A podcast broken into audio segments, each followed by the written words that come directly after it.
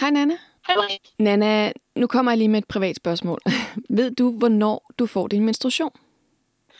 Ja, det gør jeg godt. Det bliver den 7. januar. Okay, godt at vide. Hvordan, øh, hvordan ved du det? Jamen, det ved jeg fra Clue, min øh, menstruationstracker-app, som jeg bruger. Så du indtaster, hver gang du har menstruation i den her app? Ja, det gør jeg faktisk. Sådan, så vidt jeg husker det i hvert fald. Så når jeg har menstruation, taster det ind i appen, og så kan den regne ud, hvornår jeg får det næste gang. Og stoler du på den? Ja, det gør jeg, men jeg stoler ikke altid helt på mig selv. Jeg er ikke altid god nok til at få tastet ind sådan det der faktisk sker. Nogle gange så glemmer jeg helt at taste ind, at jeg har haft menstruation, og så pludselig tror den, at jeg har haft en cyklus på 76 dage eller et eller andet helt skørt. Og så bliver den jo lidt fucked up. Så sådan, hvis jeg var bedre til at, at sådan benytte mig af den, så tror jeg faktisk, at jeg vil stole 100% på den. Ja. Så øh, det er de menneskelige fejl, der fucker den op. Algoritmen stoler du på? Ja, det gør jeg. Jeg stoler på algoritmen i den. Okay, og vi skal tale meget mere om de her algoritmer, der forudser kvindens cyklus øh, i det her program, blandt andet potentielt som fremtidens præventionsform. Du lytter til Vi er Data. Mit navn er Marie Høst. P-pillen kom på markedet i Danmark i 1966, og denne 54 år gamle præventionsform er stadig en af de mest benyttede i dag. Måske fordi alternativerne alle indbærer en eller anden utilsigtet påvirkning af kroppen. Ønsket om præventionsformer, der ikke roder ved hormonerne eller roder rundt inde i livmoderen, er stort blandt kvinder i dag, og det er så der, algoritmerne kommer ind i billedet. For ikke så mange år siden satte man krydser i kalenderen eller talte på fingrene, eller meget ofte glemte det og blev evigt overrasket, når menstruationen så kom. Men i dag åbner de fleste en app og registrerer menstruationen, og så udregner den kloge algoritme, hvornår man næste gang skal huske at have en tampon med i tasken. Jeg skal tale med Amanda Carlson, Ph.D. og ekstern lektor ved Aarhus Universitet, om hvordan tracking af kvinders cyklus ved hjælp af teknologi skaber både viden og tilbyder et fællesskab om et tabubelagt område, men også kan være problematisk i form af al den data, man afgiver om sin krop, som kan sælges videre. Og disse algoritmer kan jo mere end at forudse menstruationen. De kan også med større eller mindre nøjagtighed forudse, hvornår du er fertil. Og dermed potentielt, hvornår det er sikkert at have sex uden at blive gravid. Der er dog stor uenighed om, hvor sikker den metode er som prævention på nuværende tidspunkt. Jeg skal tale med kvinden bag den indtil videre eneste EU-godkendte app til præventionsbrug, nemlig Natural Cycles. Hun hedder Elina Berglund og er partikelfysiker, har faktisk tidligere forsket i Higgs-partiklen ved CERN, og hun udviklede Natural Cycles, fordi hun ønskede at finde et alternativ til hormonpræventionsmidler som p-pillen. Via Data er igen i denne uge et fuldstændig coronasikkert program uden gæster i studiet, men heldigvis med via telefon. Velkommen til.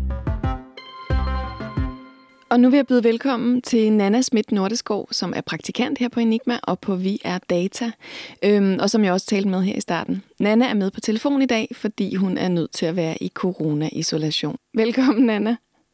Tak. Nana, øhm, nu talte vi lige om menstruationstrackeren før. Hvor længe har du brugt en menstruationstracker? Mm, jeg har brugt en menstruationstracker lige så lang tid, som jeg har haft en smartphone faktisk. Så det vil sige siden 2012, tror jeg. Okay, det er længe. Ja, jeg mistede godt nok lige min profil sådan halvvejs igennem, desværre. Men øhm, jeg har faktisk brugt Clue lige, lige siden, ja, dengang. Okay. Og hvad, øhm, hvad, er det, hvad er det, du synes, du får ud af? Nu ved jeg godt, selvfølgelig er det, er det, er det datoen, hvor man ved, man skal have et bind i tasken, eller hvad det er. Men, men er der noget andet, du får ud af at bruge den her tracker? Altså, jeg synes, at øh, det er ret fedt, at man kan forstå, hvad der foregår. Man får et meget godt overblik over det. Øhm, så kan man jo taste ind sådan andre ting, humør, træthed, sexlyst, om man har haft sex, smerter, eller sådan, hvordan man sover, sådan, som ligesom også kan påvirke det, og man også lidt kan holde øje med, sådan, okay, hvordan plejer jeg at have det på det her tidspunkt i min cyklus? Øhm, og så i gamle dage, da jeg startede med at bruge Clue, så var den gratis, og så øhm, når, man ligesom, når den ligesom lærte en at kende, og man fik noget info om sin cyklus, så kunne man sådan trykke på det, og så få at vide sådan, du er normal. Det her, det ligger helt inden for de variationer, der kan være inden for sådan den enkelte. Og det synes jeg faktisk var ret rart. Altså sådan, det er faktisk utroligt, hvor lidt man faktisk ved om sin egen cyklus. Og det er ret rart at have en app, der bare siger, du er helt normal. Øh, det har man sådan lidt brug for at få bekræftet, selvom altså man kunne jo bare opsøge den information andre steder, men det er ret fedt, at man der bliver talt direkte til en. Måske særligt, da jeg gik i gymnasiet, eller da jeg var lidt yngre, ikke? Men mm. det synes jeg faktisk var en... Det var, mm. det var noget, jeg ret godt kunne lide ved den. Dengang. Så faktisk baseret på lige præcis din information, får du at vide, at din cyklus er helt normal. Lige præcis. Ja. Og bruger du det her med at få... Altså, det er jo en af de ting, som jeg må sige, jeg ikke rigtig øh, bruger. Jeg har også brugt Clue et stykke tid før, det brugte jeg en anden. Men det der med sådan at altså, få tastet ind, når man ligesom har smerter, eller er træt, eller sådan noget, får, man, får, man, får du gjort det? Nej, men det gør jeg jo ikke konsekvent nok. Ikke konsekvent nok til, at der er noget at sige, tror jeg. Nej. Det er mere som sådan en dagbog, vil jeg nok sige. Altså sådan, hvis jeg, hvis jeg var 100% konsekvent, ville den nok kunne begynde at se lidt mere et mønster, og det synes jeg ikke, det kan den ikke på nuværende tidspunkt om mig og mine andre, sådan, hvad kan man sige, symptomer. Klart. Øhm, hvad tænker du om det her med, at, øh, at Clue så har dine data, de her data om dig, som jo egentlig er ret privat, om din cyklus? Altså, øh, det tænkte jeg meget over i starten, men det var mere på sådan en... Øh, det var ikke så meget, hvad Clue ville bruge dem til. Det var mere, at øh, jeg var bange for, at der var nogle andre, der skulle få fat i min menstruationsdagbog, som jeg havde på min telefon. Så det var det, jeg tænkte over. Jeg synes, det var lidt underligt, det der med at have noget så privat om en selv et sted, hvor altså en telefon, som man bruger til så mange andre ting, at der faktisk er så mange andre mennesker, der kan have mellem hænderne ja. fra tid til anden. Så hvad kunne, hvad ja. kunne de bruge det til?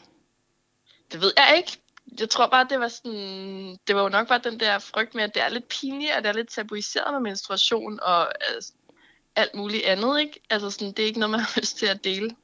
Nu er Clue jo faktisk nogle af dem, der lover ikke at, øh, at sælge at sælge dine data. Altså det er ikke den forretningsmodel, de bruger, fordi du, som du selv nævnte, nu koster det jo faktisk penge at bruge Clue. Ja. Hvad tænker du om det? Jamen altså, jeg har da personligt ikke selv opgraderet til sådan et Clue Pro abonnement endnu, fordi det koster 75 kroner om måneden, og det synes jeg faktisk er lidt meget, for noget jeg ikke bruger sådan helt vildt stringent. Øhm, og så, øh, ja, så lige nu har jeg sådan en gratis version, men ellers så koster det som sagt 75 kroner om måneden. Øhm, og det er jo smart, fordi Clue jo er rigtig gode til kun at give data til forskning og sådan noget.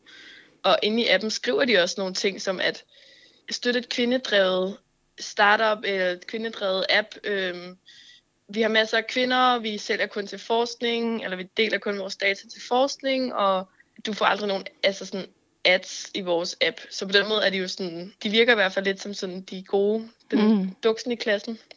Så på en måde vil du egentlig gerne støtte dem? Du synes bare, det er lidt Jeg vil gerne støtte den. Jeg synes, det er for dyrt lige nu.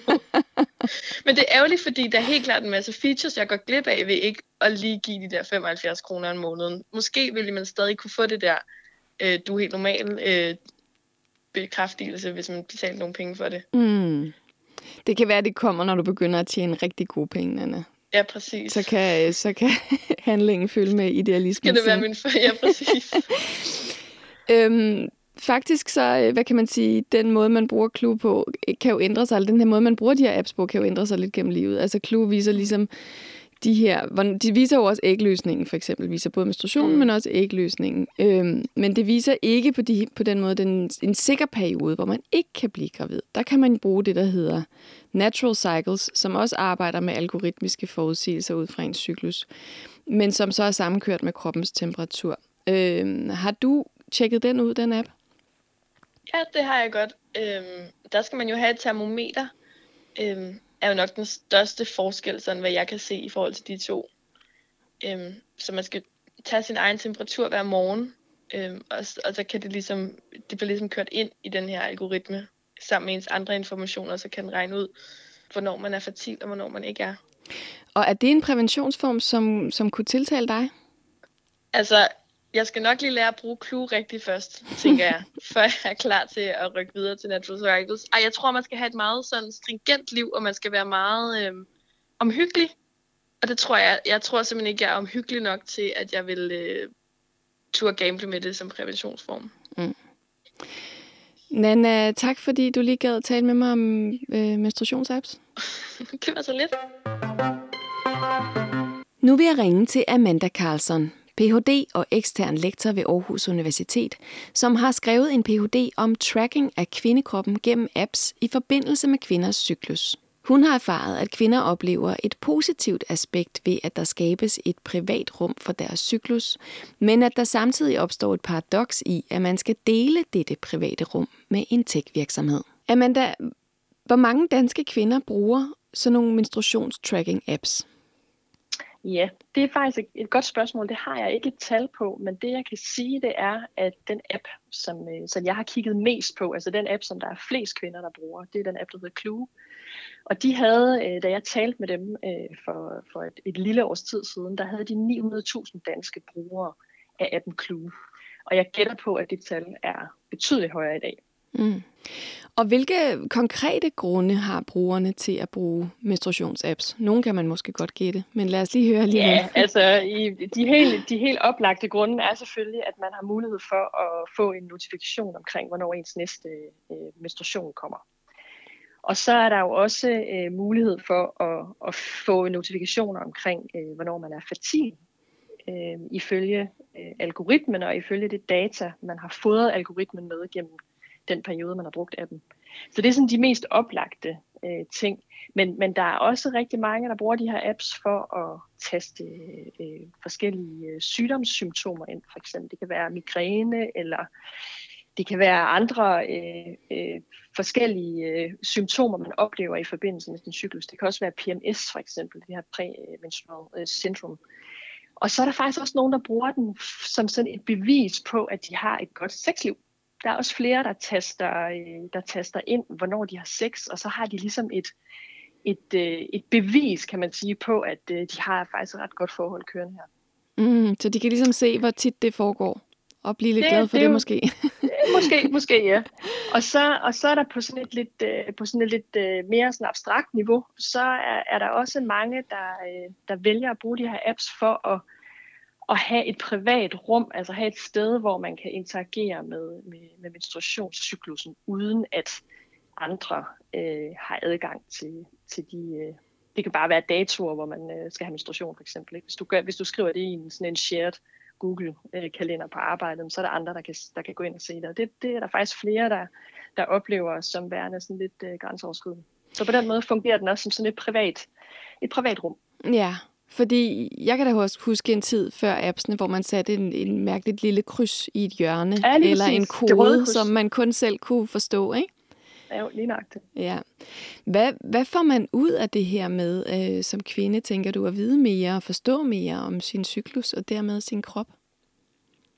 Jamen, der er jo, altså, der er jo, der er jo den helt sådan oplagte, øh, synes jeg, og jeg har jeg erfaret gennem, gennem de år, jeg har arbejdet på projektet her, det er jo, at at øh, menstruationsapps bliver sådan en, en, en, en slags kvindekendt din krop, ikke? Altså sådan en digital øh, kvindekendt din krop, fordi der er nogle, øh, der er nogle, nogle, nogle informationer omkring kroppen, især omkring kvindekroppen, som vi ikke, som vi ikke har fået gennem vores øh, seksualundervisning i skolen, og i virkeligheden så er der også rigtig meget, der bliver holdt skjult på en eller anden måde. Vi taler ikke om det. Og det de her apps kan være med til, øh, nogle af dem, de gode af dem i hvert fald, det kan vi snakke om senere, det, det er at åbne op for den øh, den sådan kropslige snak øh, omkring kvindekroppen. Ikke? Og hvordan foregår den for eksempel? Jamen der er jo, altså nu, øh, Clue er et godt eksempel, synes jeg, fordi Clue er en af de, øh, hvad jeg vil kalde sådan de gode apps på markedet, ikke? fordi da, da GDPR kom her i, i slutningen af, øh, af maj i 2018, der, der, var, der var Clue for eksempel øh, en af de apps, som var næsten stort set compliant. Altså de levede stort set op til de krav, øh, som GDPR-lovgivningen kom med i forhold til behandling af data. Ja. Så det man, det man, det man kan med, med de her apps, det er, at, øh, at man kan nå en, øh, en målgruppe, en lidt yngre målgruppe måske også, som bevæger sig på nogle, nogle andre platforme end også øh, lidt ældre øh, damer, ikke? som har en, en Mejland-kalender, eller hvad det nu måtte være. altså, så, er der, så er der en mulighed for at, at, at nå ud til de her kvinder og tale om menstruation øh, og krop på en, på en helt ny måde som jeg tror øh, har noget potentiale i sig. Og det gør de gennem artikler for eksempel, eller små øh, bidder af information, som man ligesom ja, bliver fodret med også, ikke? Lige nok det, ja. Men det, der ligesom sker, når man putter, øh, sætter en lille øh, digital markør, hver gang man får en menstruation, det er jo ligesom, at, øh, at, øh, at det bliver udregnet. Der er en algoritme, der så udregner mm. ens cyklus. Ja. Hvor, hvor ja. præcise er de her forudsigelser, som, som de kommer med?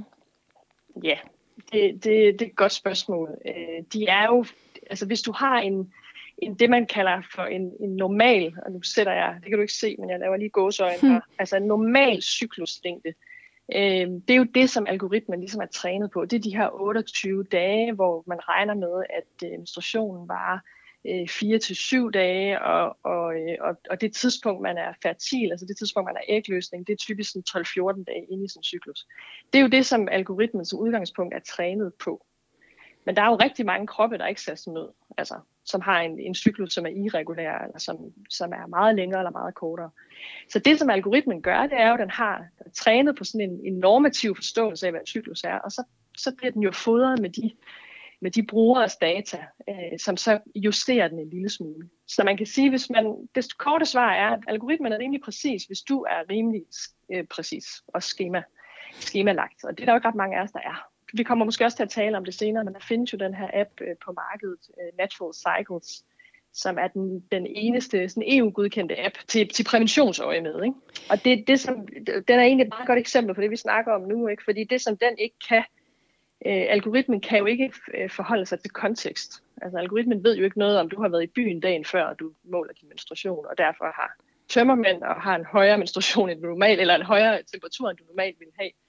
Øh, algoritmen ved heller ikke, om du er ved at blive syg. Øh, algoritmen forholder sig jo til, øh, hvad er det for en hvad er der for en temperatur i det lokale, du normalvis øh, tracker din, øh, din, eller måler din temperatur i. Og hvis du pludselig er et andet sted, så kan det være, at det på en eller anden måde påvirker din temperaturmåling. Så der er alt muligt, der kan gå galt. Og det har der også været jo øh, cases med.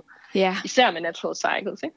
Jo, lige præcis. Fordi det var netop et af mine næste spørgsmål, det med, hvor komplekst det er at forudsige, hvordan kroppen fungerer, den enkelte krop, når der er så mange faktorer, der spiller mm. ind på vores mm.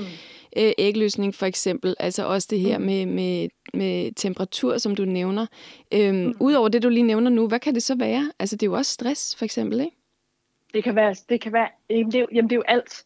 Altså jeg, jeg brugte selv uh, Natural Cycles uh, som en del af, af mit, mit phd projekt Uh, i en periode øh, 2018, hvor jeg rejste sindssygt meget i forbindelse med konferencer og, og, og forskellige øh, øh, aktiviteter, jeg skulle deltage i. Og der målte jeg jo min temperatur hver morgen på alle mulige forskellige hotelværelser. Ikke? Jeg levede det vilde liv. Og det kunne algoritmen ikke rigtig, øh, det kunne ikke rigtig forholde sig til. Altså det, det, det var nogle meget mærkelige forudsigelser, der kom. Så det her med at skulle prøve at, at sætte alle kroppe på, på, øh, på tal, hvis man kan sige sådan, det, det kan man jo ikke. Det, det, og, og det glemmer vi nogle gange, fordi vi har sådan en, altså sådan statistiske beregninger har sådan en, en, en høj status i vores kultur. Ikke? Altså vi har en tendens til at stole mere på tal i virkeligheden, end på sådan kropslige øh, fornemmelser. Ja, og det er lige før, man kan komme til at forvente af sin krop, at den følger med algoritmen, i stedet for ja, omvendt. Ja, præcis. Ja, Jo, jo. Øhm, men hvis vi har de lidt positive briller på, øhm, mm. hvad er det så, teknologi kan i forhold til at højne vores forståelse af helbred og sundhed? Og der mener jeg specifikt også det her med, med kvinders sundhed, at øhm, betydning af, at der indsamles langt mere data om vores biologi nu. Hvilken mm. betydning har det? Jamen, altså det korte svar er jo, at vi har adgang til viden øh, om vores kroppe på en, på en anden måde, end vi har haft tidligere. Og så kan man sige, jamen hvorfor, hvorfor skal vi bruge teknologi til det? Jamen, øh, det, det, det skal vi.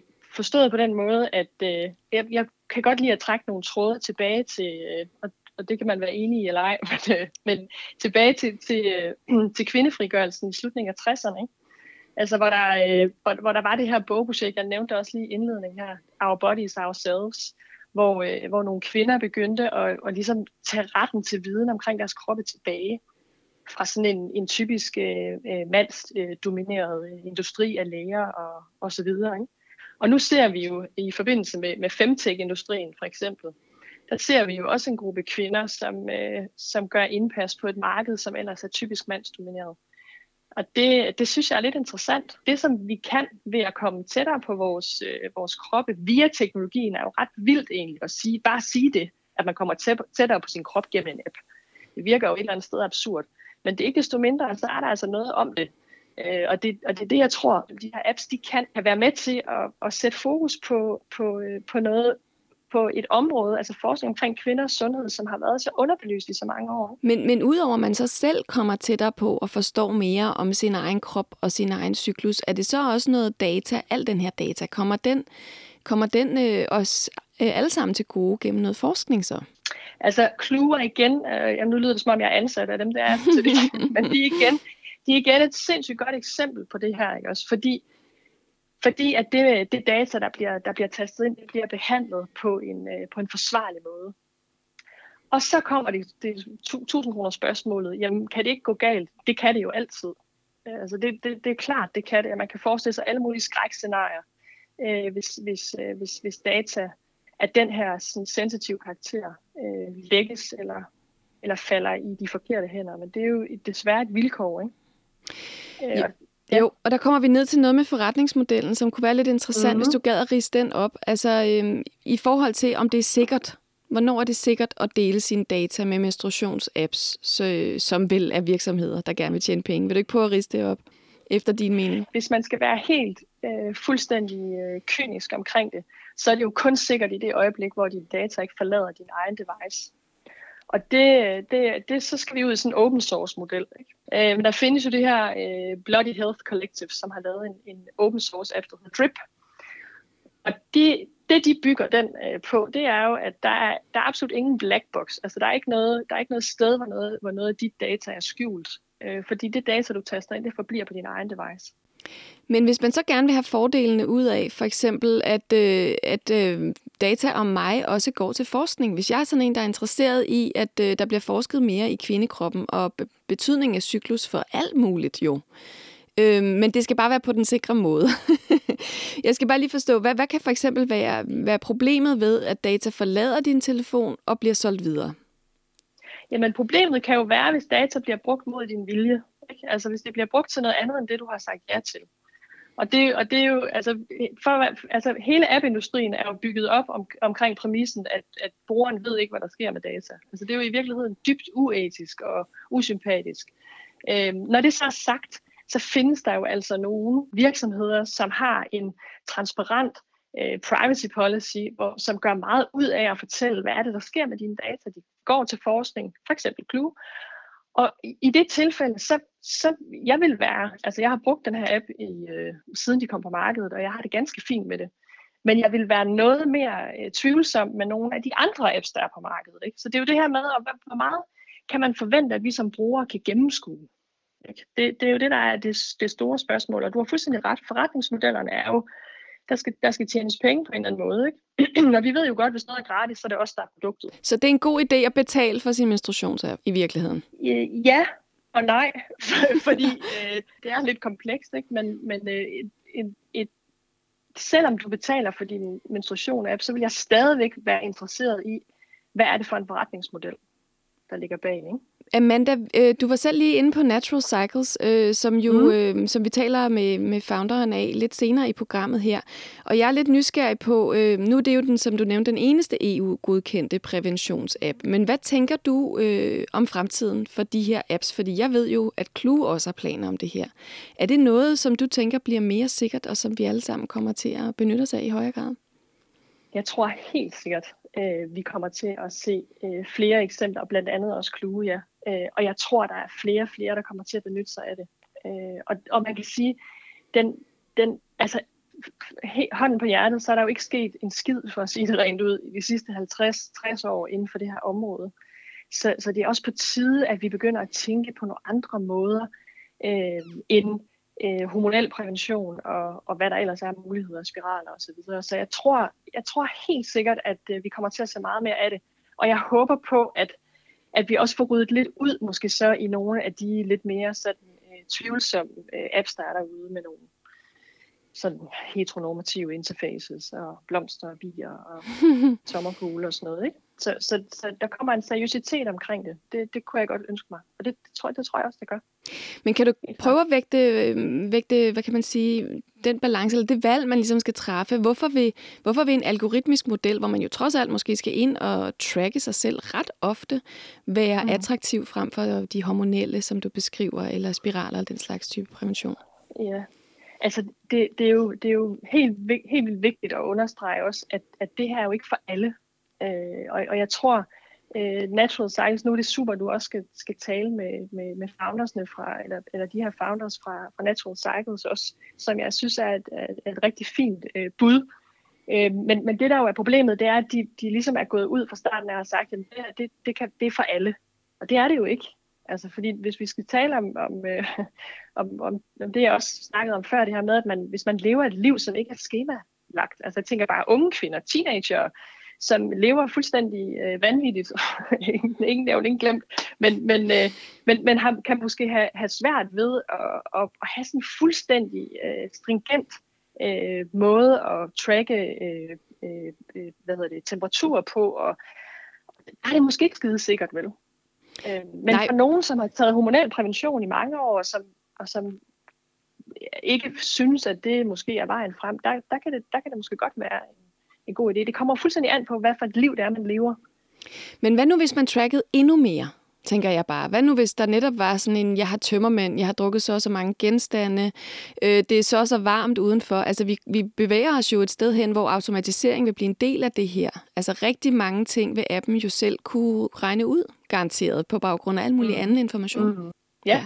ja. altså man kan sige, at metoden, jamen, jamen det, det, det, vi, vi ender tilbage i en diskussion, det gør man jo som regel, når man har øh, snakke omkring øh, øh, personlige tracking-teknologier ikke? Og, og algoritmer, det er, jamen er det, er det, er det godt eller skidt? Øh, og jeg tror, det, det er ikke sådan en særlig frugtbar, det er ikke et særlig frugtbar sted at starte. Jeg tror, man skal, man skal prøve at kigge på, hvad er det for nogle muligheder, der er. Og så skal man samtidig også være enormt kritisk. Øh, fordi det, du beskriver der, synes jeg også lyder lidt skræmmende. Ikke?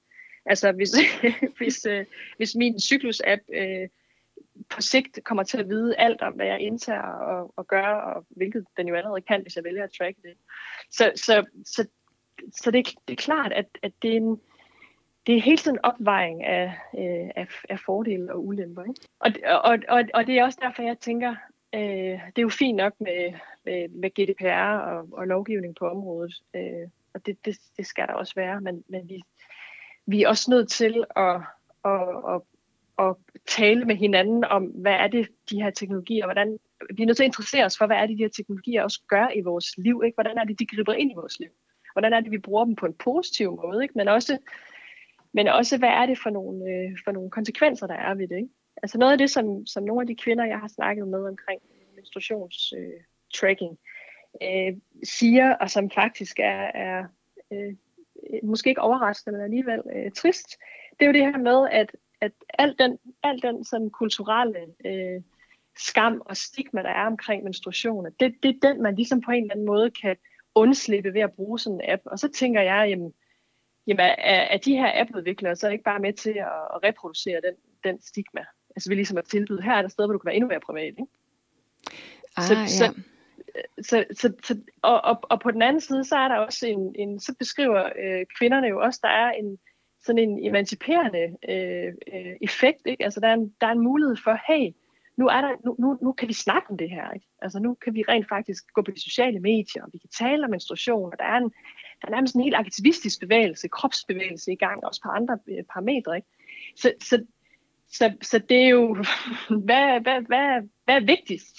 Og der må jeg sige, der må man jo være sindssygt kritisk over, hvad det er for en app, man, man hiver fat i. Og lave sit, lave sit forarbejde, inden man, øh, man, øh, man begynder at bruge de her øh, tracking apps, fordi der findes virkelig også mange øh, brødende kar på markedet. Det gør der. Det er i hvert fald et godt tip, lige at lave sin research, inden man downloader ja, en app. Ja, det synes jeg. Ja. Tusind tak for snakken, Amanda. Det var så spændende. Jamen, det var det så lidt. For nogle kvinder består den daglige præventionsrutine ikke af at sluge en lille pille med hormoner, men af at tage sin temperatur og indtaste resultatet i en app. Appen vil så fortælle dig, om det er en rød dag, det vil sige, du kan blive gravid, eller en grøn dag, det vil sige, du kan ikke blive gravid og kan have sex uden anden prævention. Nu vil jeg ringe til Elina Berglund, co-founder og CEO for dette præventionssystem, som hedder Natural Cycles. Elina er uddannet partikelfysiker og har faktisk tidligere forsket i Higgs-partiklen ved CERN. Hun udviklede Natural Cycles, fordi hun ønskede at finde et alternativ til hormonpræventionsmidler som p-pillen, og Natural Cycles har nu 1,5 millioner brugere og vokser stødt, men har også mødt en del kritik, blandt andet i Elinas hjemland Sverige. Hello, Elena. Hi. Thank you for having me. Thank you so much for being with us. Elena, what were your reasons behind researching algorithmic birth control and founding Natural Cycles? Uh, well, I uh, I was working at CERN as a particle physicist at the time, so I was very into all things data and research, uh, and I was also part of discovering the Higgs particle. And uh, at that moment in time, I was also looking for a natural birth control method, something uh, easy to use and effective, but hormone free. And I didn't find any such product on the market. But uh, Googling, I realized that the body temperature changes throughout the menstrual cycle. It increases after ovulation, which I had no idea about. But I then started using my knowledge from particle physics to develop this algorithm to know when I'm fertile and when I'm not fertile, so I could use it as a birth control method. And this was then also something that my husband and co-founder suggested that we should make into an app such that other women and couples could use the same method. And how does it work? How do you use natural cycles? So you wake up in the morning and measure your temperature in the mouth, then you enter it into the app. And then the algorithm runs in the background and analyzes your data and returns a red day if you might be fertile that day and need to use protection if you don't want to get pregnant, or a green day if you're definitely not fertile and you don't have to use protection. Okay, that sounds that sounds pretty easy. Um, I'm I'm curious just to to to know because you've looked into this about a woman's cycle and and and the influence it has on our lives, basically as women. What is the influence uh, on the well-being and the health to know more about your cycle? Oh, a lot. So the feedback we get um, from our users is well first of all that they're happy that they now finally found a birth control uh, that works for them because often our users have struggled a lot with different birth controls before and maybe had side effects from uh, from the pill or something similar. But what they usually mention the most is that they feel it's very empowering to understand their bodies and what's going on inside. Because a lot of things change throughout the cycle. Uh, you feel a certain way in your fertile window and you know a different way when the progesterone is high just before menstruation, which you can experience what we call PMS. Um, and many things are affected. And I think that's what our users realize, and it makes them feel empowered to know how their body works. But there must be really two ways of using natural cycles, right? Because there's the prediction of the period, and then there's the prediction of the fertility, maybe two of the same things, but but how many people use it for contraceptive purposes, and how many use it to get uh, to know how to get pregnant or when to get pregnant? Indeed, we have kind of a, like a setting in the app, so you you choose which way to use it, um, and usually there's around uh, seventy five percent that use it as a contraceptive method, and uh, twenty five percent to to plan or follow their pregnancy but very often it's actually the same users that switch back and forth. So uh, our typical user is around 30 years old and she starts using it as a method um, of birth control. And maybe a few years down the line, when she's ready, she then switches the setting in the app. And, and then she, on average, gets pregnant rather quickly because she already knows her body, the app knows her body. She knows when she ovulates, um, which is uh, we published some interesting studies on the menstrual cycle showing that uh, it's actually a myth that you think you ovulate on day 14. Only very few women do. You might ovulate on completely different days. But how much uh, use do you need to have of the app before it gets to know you, before it's really functional? So indeed, it uh, since every woman's cycle is unique, uh, it takes a little bit of time. Um, but you still can get the green days right away, but you get less of them. So the longer you use it, the more green days, so days you don't need to use protection, you get. Usually it takes like around three months to get like a significant amount of green days. Okay, but but how hard is it to predict a woman's cycle based on this algorithm? There must be a lot of factors uh, going into this, like stress and sleep, and like you say, every woman being different. Oh yeah, so I don't think I would have been able to develop this algorithm if I didn't have the background in particle physics. And now we actually have a whole team of particle physicists working for natural cycles in our Geneva office in Switzerland. So I think this this knowledge of advanced statistics and mathematics is really needed because it's something that women used to do by hand on a piece of paper, but then you cannot really take previous cycles into account. So uh, it's not very effective and also doesn't take you know other things can affect your temperature, like how you sleep and alcohol, for instance. So, so you really need to have a advanced algorithm to do it accurately. It's hard to do it accurately uh, by eye. But does that mean you can put this data into the app as well? I had some alcohol, I didn't sleep well, stuff like that? Yeah, you can enter that into the app. And you can also enter other things like um, PMS and mood, and then we we can also help predict that for the future, so you doesn't take you by surprise when it comes. And how precise is natural cycles if you use it every day as prescribed? So uh, we published several clinical studies on this, and it's also a big part of actually being a, a certified medical device for contraception, uh, both in Europe and the US, is these clinical studies. And they show that natural cycles is 93% uh, effective with typical use and 98% effective with um, perfect use. And the difference between the two is not if you remember to measure every day, you can still consider like being a perfect user, even if you forget to measure sometimes. But it's rather if you do use protection when the app tells you it's a red day. That's the only thing. Um, so it's around the similarly effective as the birth control pill, um, but it's less effective than the IUD or something that's inside your body that you can completely forget about for several years. But it's more effective than, for instance, just using condoms. But can everyone with every kind of lifestyle use the app? Is it for everyone?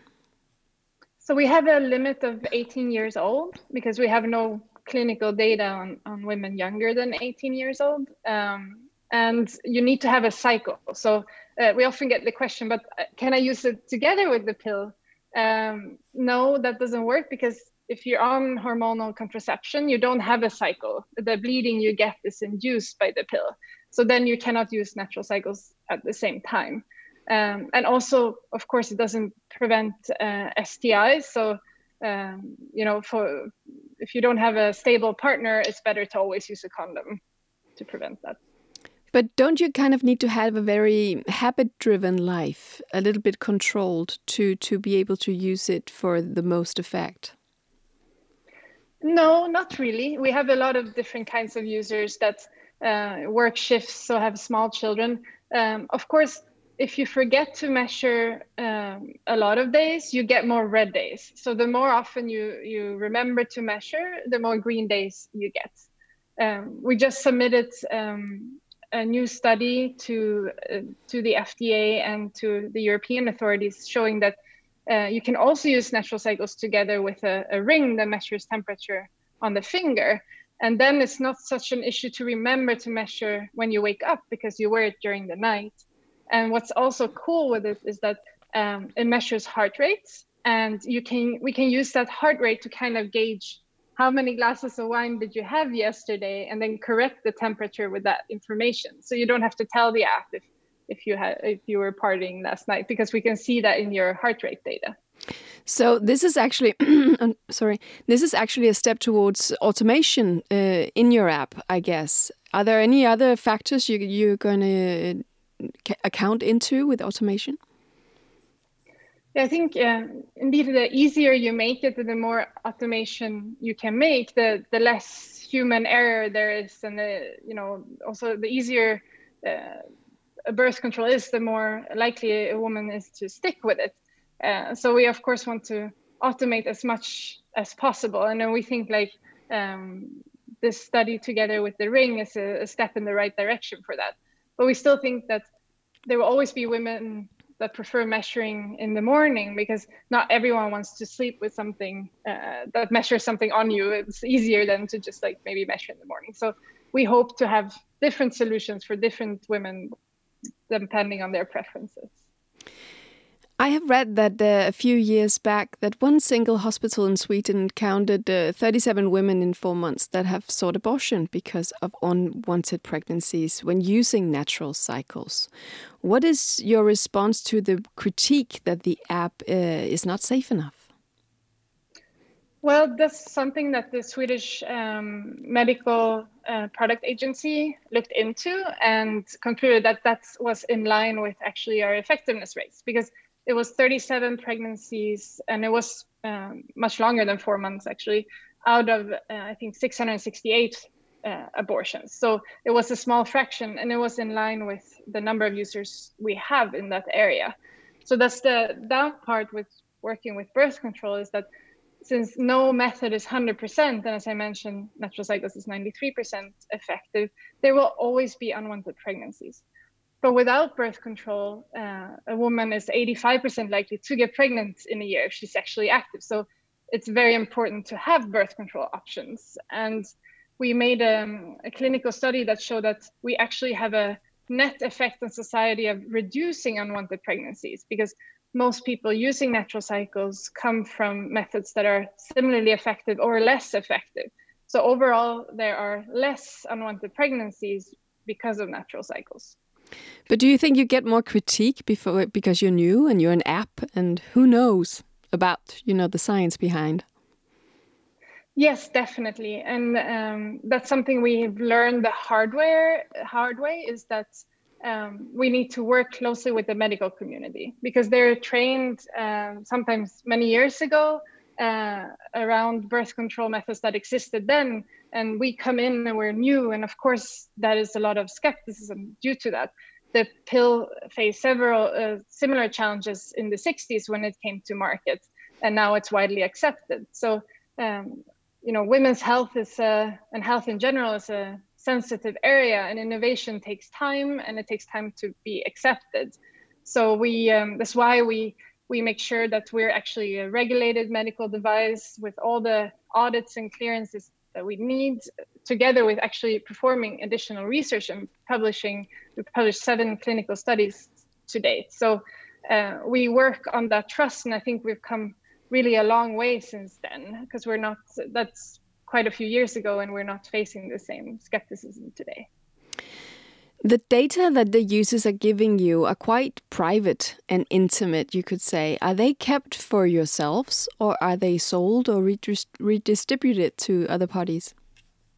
No, we we never sell any data, and we're not the free app. Just like other birth control methods, we uh, we charge a fee. Um, it costs around um, you know 100 krona per month, um, and uh, we would never sell the data. So we take data privacy very seriously, and we follow GDPR rules together with uh, rules in other countries. So uh, a person can always have uh, ask to have their data deleted, and we do that. And we also have a very strict hierarchy of who can look at the data at all, and almost always it's at um, anonymized um, level. So like when we perform research with other institutes uh, we never look at the personal information. It's always aggregated, anonymized data. But you do use the data collected in natural cycles for uh, scientific research.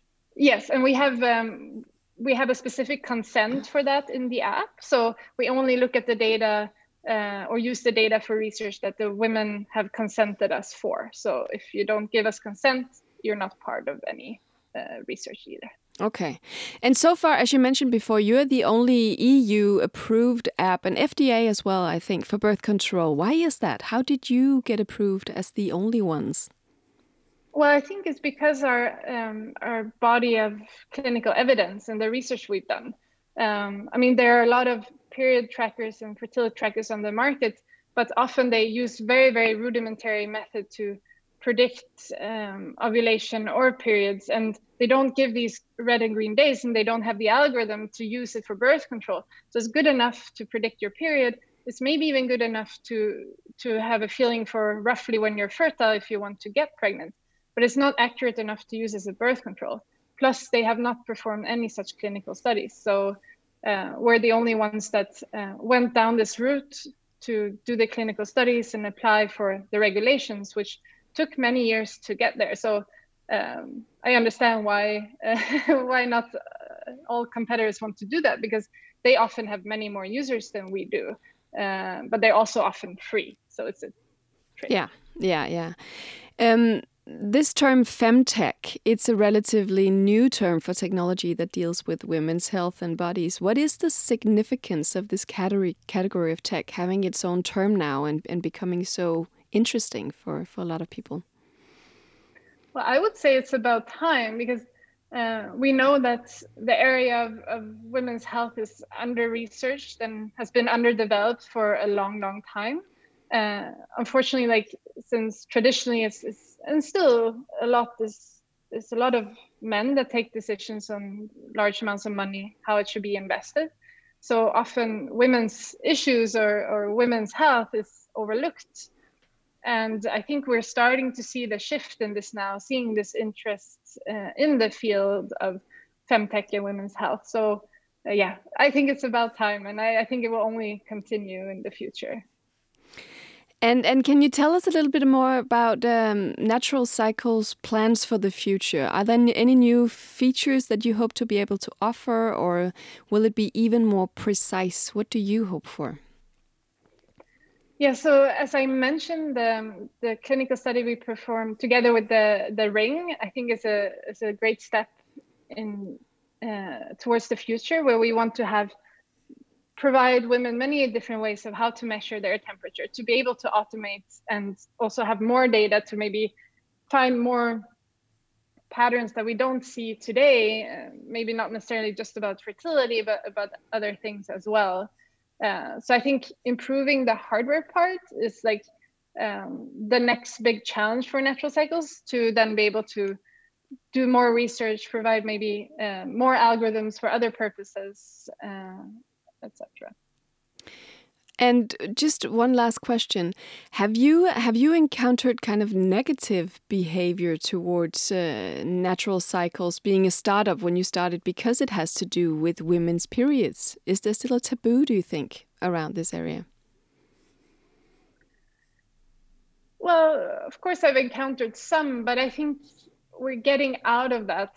Um, I think maybe when we started Natural Cycles 2013, 2014, it was still taboo, but now we see we have a big community of 160,000 women on Instagram, and they love all things talk about you know women's bodies, periods, um, uh, everything. So I, I, think we're getting out of that era and um, hoping to remove that stigma. Thank you so much, Elena, for your time. Thank you for having me. Du lytter til Vi er Data. Mit navn er Marie Høst. I dag har vi talt om smart prævention, om algoritmiske forudsigelser af kvindens cyklus, som kan bruges som præventionsform med større eller mindre sikkerhed lige nu, ifølge eksperter. Og her til slut i Via Data, der har jeg besøg af Anton Gade Nielsen. Hej Anton. Hej Marie. Vært på All Caps, som også produceres her på Enigma, øhm, og handler om, hvad vi taler om på internettet. Og jeg skal høre dig, Anton. Går du med ring? Altså fingerring? Ja. Nej, nej, det gør jeg ikke. nej. Jeg gjorde en gang. Øh, okay. altså sådan en, øhm, du ved, sådan en 8. og 9. klasses ting, hvor man lige skulle have sådan en tommelfingerring, var ret cool ah, i den ah, periode. Ah, den der, helt ja. sikkert. Og så havde jeg nogle forskellige, og så kunne jeg, altså sådan, du ved, ja, det var ikke, øh, jeg har aldrig været sådan super tjekket, sådan stilmæssigt, men den periode der var sådan lavpunktet, tror jeg. Det var også noget med svedbånd på armene og sådan noget. Havde du langt hår? Jamen, nej, det fik jeg. Okay, okay. Men ikke sådan rigtig langt. Jeg har aldrig sådan haft rigtig langt hår. Grunden til at spørge, det er fordi, der er den her ring, som er meget, meget tech-agtig. Den her Aura Ring, som Elina Berglund fra Natural Cycles også nævner. Ja. Hvad, er det, hvad er det, den kan? Og går man med den på tommelfingeren? Øh, det kan man sikkert godt. Ej, jeg tror, man bruger sin, øh, en af de her fire andre fingre, formentlig pegefingeren eller ringfingeren. Øhm, og det er jo sådan en, som har en masse sensorer, så den kan ma- øh, måle puls og temperatur, og den har et gyroskop i sig også, så den kan se, hvordan hånden vender. Og den kan du bruge, ligesom du bruger et smartwatch, til at tracke din, øhm, din aktivitet, din søvn, din, øh, din parathed til at dyrke motion. Altså den kan fortælle dig, hvor skarp du er i dag, e-, alt efter hvordan du har sovet, og hvordan din, din score ellers er på, den her, øh, på de her parametre, som den sætter op.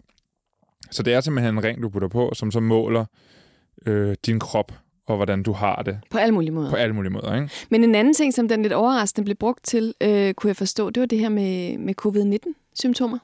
Ja, altså det, det, var noget, det er noget i forhold til temperaturskiftninger i kroppen, og man kan jo ikke bruge sådan en her ring til at forudse, om man har øh, covid-19, men man havde lavet nogle forsøg med det i starten. Men en af de ting, som man kan bruge det her med temperatur, er jo, som det her program handler om, altså at forudse sin øh, menstruationscyklus. Ja. Og det er der flere, der har haft held med i, altså, i brugen af det her. Altså at simpelthen kunne se på, øh, på, på grafen, nu kan jeg se, at min temperatur stiger Nå, men det er nok fordi, at jeg så skal have min... Øh... Ægløsning er det så faktisk, når temperaturen stiger, så vidt jeg ved.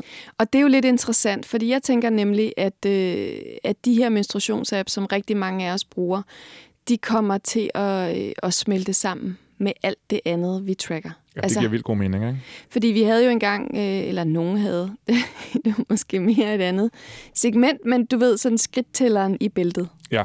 Ikke? jo, jo. Det, nu det, har man skridttælleren i lommen, ikke? Nu har man skridttælleren i lommen, ligesom man har alt muligt andet mm. i sin telefon, eller endnu bedre på sin krop som et wearable. Ja. Øhm, så det her med, at, at, øh, at ens menstruationskalender eller ens menstruationsforudsigelses-app, den også bliver en del af det øh, store billede af ens krop. Men det er meget god mening. Nu har jeg jo af gode grunde aldrig brugt en menstruationscyklus-app øh, til at forudse min cyklus, for der sådan en har jeg ikke. Øh, men er, har man i dem øh, mulighed for at inkorporere øh, sådan noget med dit daglige liv, og hvordan, altså sådan noget skridt og aktivitet og søvn og sådan nogle ting? Ja, men, men ikke, i, ikke automatisk. Altså det vil sige, du skal, øh, de arbejder også på automatisering. Det har jeg blandt andet talt med Clues founder om på et tidspunkt, at automatisering er jo noget, rigtig mange kigger på. Så det her med at kunne få det ind via en wearable er jo rigtig interessant, men der er så nogle rigtig mange andre aspekter af privacy omkring det. Men det vil sige, at du skal jo selv gå ind og trykke på, at jeg har, hvor ondt har du i maven? Mm. Så ondt. Hvor træt er du? Hvor mm. frisk er du? Altså det er jo ligesom, øh, man skal bruge ret meget tid på så at gå ind og hver dag fortælle, hvordan man har det, for at appen bliver præcis. Altså så sådan en Aura Ring her, den, den, den, har jo, den er bliver brugt rigtig meget. Altså dens claim to fame er jo zone tracking. Så det er jo den rigtig god til. Der er mange, der kun bruger den om natten, ikke? For, mm. også fordi det er lidt kluntet og grund med sådan en stor ring. Men der vil det jo give god mening at kombinere Helt sikkert. data fra denne her med data fra whatever øh, andre apps, der findes. Ja, fordi den er også, øh, så vidt jeg ved, har søvn i øvrigt også en indflydelse på kvinders cyklus. Øhm, så det er, det er da super relevant. Spørgsmålet er så, om man vil have øh, al den data samlet. Hvad tænker du? Altså sådan rent privacy-mæssigt. Man skal godt nok stole på ja, det skal man. firmaet, der ja. producerer det, ikke? Det skal man jo generelt, synes jeg, med sådan nogle ting. Altså, jeg bliver jo altid en lille smule øh, skeptisk og lidt bange, når jeg ser sådan nogle her præsentationsvideoer, blandt andet Aura Ring og alle andre sådan nogle wearable devices, fordi Altså både fordi det er så overvældende, at man kan vide så meget om sin egen krop og sin egen søvn, og de snakker jo alle sammen om, at åh, så drak jeg et glas vin om aftenen, og så sov jeg elendigt og sådan noget. Jeg bare sådan, ja. stop, det vil ja. jeg ikke vide. Nej. Jeg vil gerne leve øh, usundt Også i, i den viden om, at når man drikker et glas vin, så sover man meget bedre. Ja. Som, alle, som alle jo ved. som ikke man, tracker sig. man falder i hvert fald bedre i søvn, ikke? Jo, præcis. Øhm, og, og det kombineret med, at de her data jo så ikke bare er tilgængelige for mig, men ligger på en eller anden database et eller andet sted. Det, der skal man virkelig gøre sig op med sig selv, om man er villig til at løbe den risiko, som det jo altid er, når ens private data bliver placeret i skyen. Ja. Fordi der kommer til at ske hacks ja. med, med platforme og med services på et eller andet tidspunkt. Og salg, jo. Altså det er jo også, øh, hvis forsikringsselskabet ved, øh, hvor meget motion man dyrker, og hvor meget vin man drikker, og så videre, så videre, alle mulige ting, som den her ring. Nå ja, men det bliver jo altså, frygter man lidt en del af fremtiden? At man ligesom skal trackes på den måde, og så kommer det til at påvirke ens police? Altså. Jamen en ting er at finde ud af selv, at man er en doven alkoholiker. Noget andet er, at ens forsikringsselskab finder ud af det. Ikke? Ja, oh, the nightmare. så det er ikke for mig. Okay. Vil du købe sådan en ring her? Øhm, jeg er nysgerrig på den, øhm, og der, fordi jeg er nysgerrig på teknologi, så kunne jeg måske godt finde på at teste den også som en søvn, øhm, som en søvn tracker. Men altså, øh, jeg skal lige læse op på firmaet. Mm. Altså, jeg skal lige læse op på, hvad de er for nogen, tror jeg, inden jeg vil putte den på min finger. Og hvad, hvad koster den, hvis man gerne vil have sådan en Aura Ring? Jamen, sådan en lille fingerring ligger et sted mellem 2 og 3.000 kroner, alt efter hvad for en øh, farve, du have den i. Uh. Det er jo ret ja, mange penge. Det må man sige. Jamen, øh, tak for snakken, Anton. Jamen, selv tak. Det var alt, hvad vi nåede denne gang i Vi er Data.